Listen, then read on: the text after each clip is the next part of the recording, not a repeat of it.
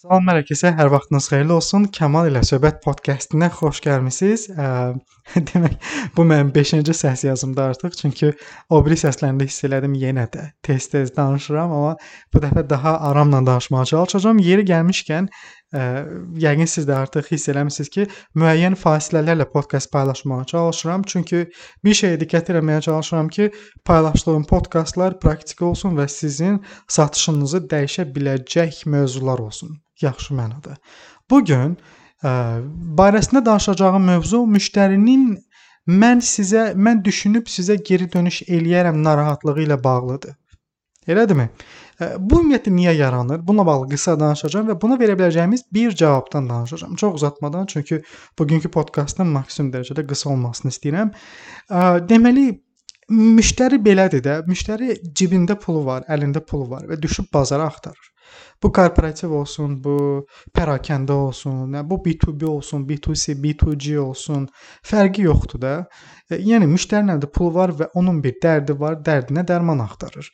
Bu adam bir-bir insanların qarşısına keçir və ya da insanlar bunun bir-bir qarşısına keçir. Bu adam insanlardan nəsə eşidir və arxain olmadığı üçün deyir ki, e, yəni mən düşünüb geri dönüş eləyərəm də sizə. Çünki Biz ona kifayət qədər inam, etibar aşılamamışıq. Biz gedirik ora çox mehribanlıq eləməyə çalışırıq.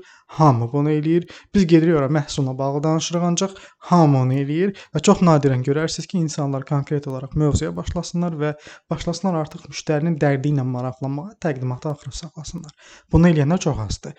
Və biz insanlara etibar ilə başlaya bilmirik və insanların bir növ emosional boşluğunu doldura bilmirik deyə müştəri bəzən də müştərilər olur ki, çox etik insanlar olur. Məsəl üçün görür ki, Kamal gəlib onun qarşısına zaman ayırır və müəyyən qədər vaxt ayırıb da və xətrimə dəymək istəmir deyə qayıt edir ki, Kamal bəy çox sağ olun gəldiniz, çox xoş oldu sizdən eşitmək. Məhsulunuz maraqlı səslənir, amma mən sizə bir düşünüb geri dönüş eləyərəm bundan bağlı. Elədir? Yəni çox hallarda Azərbaycanda, bir çox hallarda Yəni əməkdaşlar, şirkətlər, tanıdığım şirkətlər, ə, dəki çalışan əməkdaşlar belə deyir ki, oldu, əlbəttə biz sizdən xəbər gözləyəcəyik. Amma burada bizim verə biləcəyimiz cavablar var.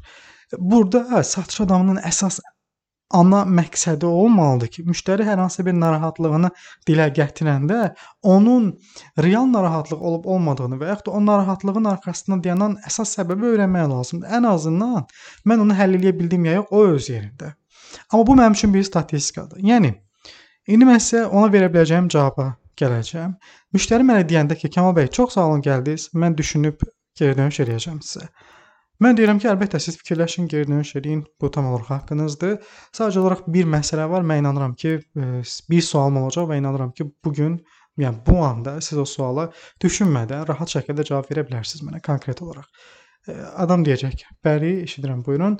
Əlbəttə mən deyirəm etiraz eləməsəz bir sualım olacaq və inanıram ki, sizin buna verəcəyiniz cavab, e, yəni artıq sizin beyninizdə var bu cavab.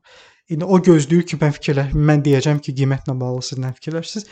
Mən deyəcəm ki, sad sadəcə olaraq deyəcəm ki, bəs ə, Rami bəy, deyək ki, Rami bəylə danışın. Nə Rami bəy? Ə, yəni siz mənə vaxt ayırdınız, görüşdünüz. Ə, çox sağ olun buna görə. Əlbəttə gedib fikirləşin rahat-rahat. Amma mənə mənə maraqlı. Yəni bu bir neçə bir neçə dəqiqədə danışırıq. Siz nə fikirləşirsiniz? Yəni bu məhsul, mənim barəsində danışdığım bu məhsul, yəni konkret olaraq sizin axtardığınız bir məhsuldurmu? Yəni o biz haramızı ağrıyır, biz bilirik də nə istəyirik də, elədirmi? Biz aptekə giririk, həkim bizə bir resept verir və ya da siz artıq bu biznesdəsiz, siz bilirsiniz ki, hansı çətinlikləriniz var və təqribi olaraq olsa bilirsiniz ki, nə axtarırsınız. Bu sizin axtardığınız məhsuldurmu? Qoy desin hə, Onda biz də deyəcəyik ki, əla o zaman ən azından mən bunu bilmiş oldum ki, bu sizin axtardığınız məhsuldur və ondan sonra artıq biz deyə bilərik ki, ən az ən əsası mən bildim ki, artıq siz gedib evdə bunu fikirləşməyəcəksiniz. O zaman yerdə iki şey qaldı. Ya qiymətlə bağlı fikirləşəcəksiniz, ya da sizin əslində bu gün yox, məsəl üçün bu aralar yox, daha sonra başlamaq istəyirsiniz. Sadəcə mənə maraqlıdır. Bunlardan hansı biridir sizdə? Bilirsiniz nə olur elə danışanda? İndi mən e, burada sadəcə sizlə rahat danışıram. Bunu konkret olaraq skriptin özünü demirəm də. Skriptə deyə-deyə izah eləməyə çalışıram sizə. E, müştəridən qiyməti, yəni birbaşa deyə desək ki, əgər e, siz gedib nəyi fikirləşmək istəyirsiniz, bu artıq müdafiə roluna giririk biz. Çünki müştəri deyir ki, mən fikirləşmək istəyirəm. Mən deyirəm siz nəyi fikirləşəcəksiniz evdə? E, bu artıq arada konflikt yaradır. Yəni müştərinin elə bir biraz e, məhrəm yerinə girmiş oluruq da. Yəni müştəri deyir ki, mənə biraz vaxt ver də, qardaş, bu mənim özümün qərarımdır. O qərar ona məxsusdur və mən onun qərarına müdaxilə etməyə çalışıram. Bilmək istəyirəm o nədir. Amma mən onu yumoristik deyəndə, yeri gəlsə ya sözün yaxşı mənasında onun beynindəki o işləmə pattern deyirlər, ardıcıllığı manipulə eləyib bu sual verəndə, daha sonra deyəndə ki, ə, belə təqrib, onda mən belə təxmin edirəm ki, siz ya qiymətlə bağlı fikirləşəcəksiniz, ya da yəni ola bilsin ki, başlama məsələsində çətinliyiniz var və yaxud da başlama məsələsində qərarsızsınız. Bunlardan hansı biridir? Birinci yumor yumorlaşdıranda və yaxud da birinci onun hə deyə biləcəyi bir cavab verəndə ki, müştəri çox vaxtı deyəndə ki, düşünüb geri dönüş edəcəm, bu çox vaxtı qiymətdir. Mən bu qiyməti onun ağzından fərqli yolla alacağam. Və mən ona deyəndə ki, bir sualım olacaq. O bilir bilir ki, çox adam çox adamda olduğu kimi o elə fikirləşir ki, Kamal da deyəcək ki, yəni qiyməti, e, yəni nəyə görə fikirləşəcəksiniz də, qiymətdənmi razı deyilsiniz? Çox adam onu deyir axı və o belə təxmin edir ki, Kamal da bunu eləyəcək. Mən nə edirəm? Mən sadəcə olaraq birinci sualımda onu manipulə eləyib, onun fikrini tamamilə olaraq, tamamilə onun beynində, məqsədində olan şeydən yayındırıram. Deyirəm ki, Rami bəy, bir sualım olacaq və mən əminəm ki, artıq siz buna beyninizdə qərar vermisiniz. Bu məhsul sizin axtardığınız məhsuldurmu? Sual verdim. O deyəcək, hə Kamal, bəli, biz bunu elə axtarırıq və s. və axır. Ondan sonra artıq mən deyə bilərəm ki, onda Rami bəy, mən belə təxmin edirəm ki, icazə verin, mən sizə deyim, siz onda mənə hə və yaxud da yox deyə bilərsiniz. Deyəcəm ki, Rami bəy, onda elə çıxır ki, siz gedib düşünəcəksiniz inşallah. Əlbəttə ki, gedin fikirləşin, geri dönüş eləyərsiniz. Siz ya gedib qiymətlə bağlı fikirləşəcəksiniz, ya da nə zaman başlayacağınızla bağlı tərəddüddə siz ona qərar verəcəksiniz. Bu ikisindən biridir, elədirmi? Və yaxud da bu ikisindən hansıdır sizdə Rami bəy?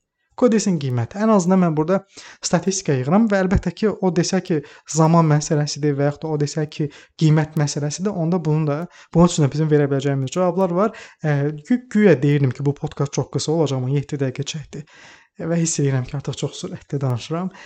Bu mənim özümdən asılı deyil. Hər nəsə. Çox sağ olun məni dinlədiniz. Ümid edirəm ki, podkast sizin üçün faydalı oldu. Faydalı oldusa əgər sadəcə bir xahişim olacaq. Instagram storiesinin storinizdə paylaşın ki, Kamal mən bunu dinlədim və mənim üçün faydalı oldu və yaxud da praktiki bir şey oldu. Bu da ən azından mənim üçün bir motivasiya olacaq. Çox sağ olun, özünüzə qoruyun.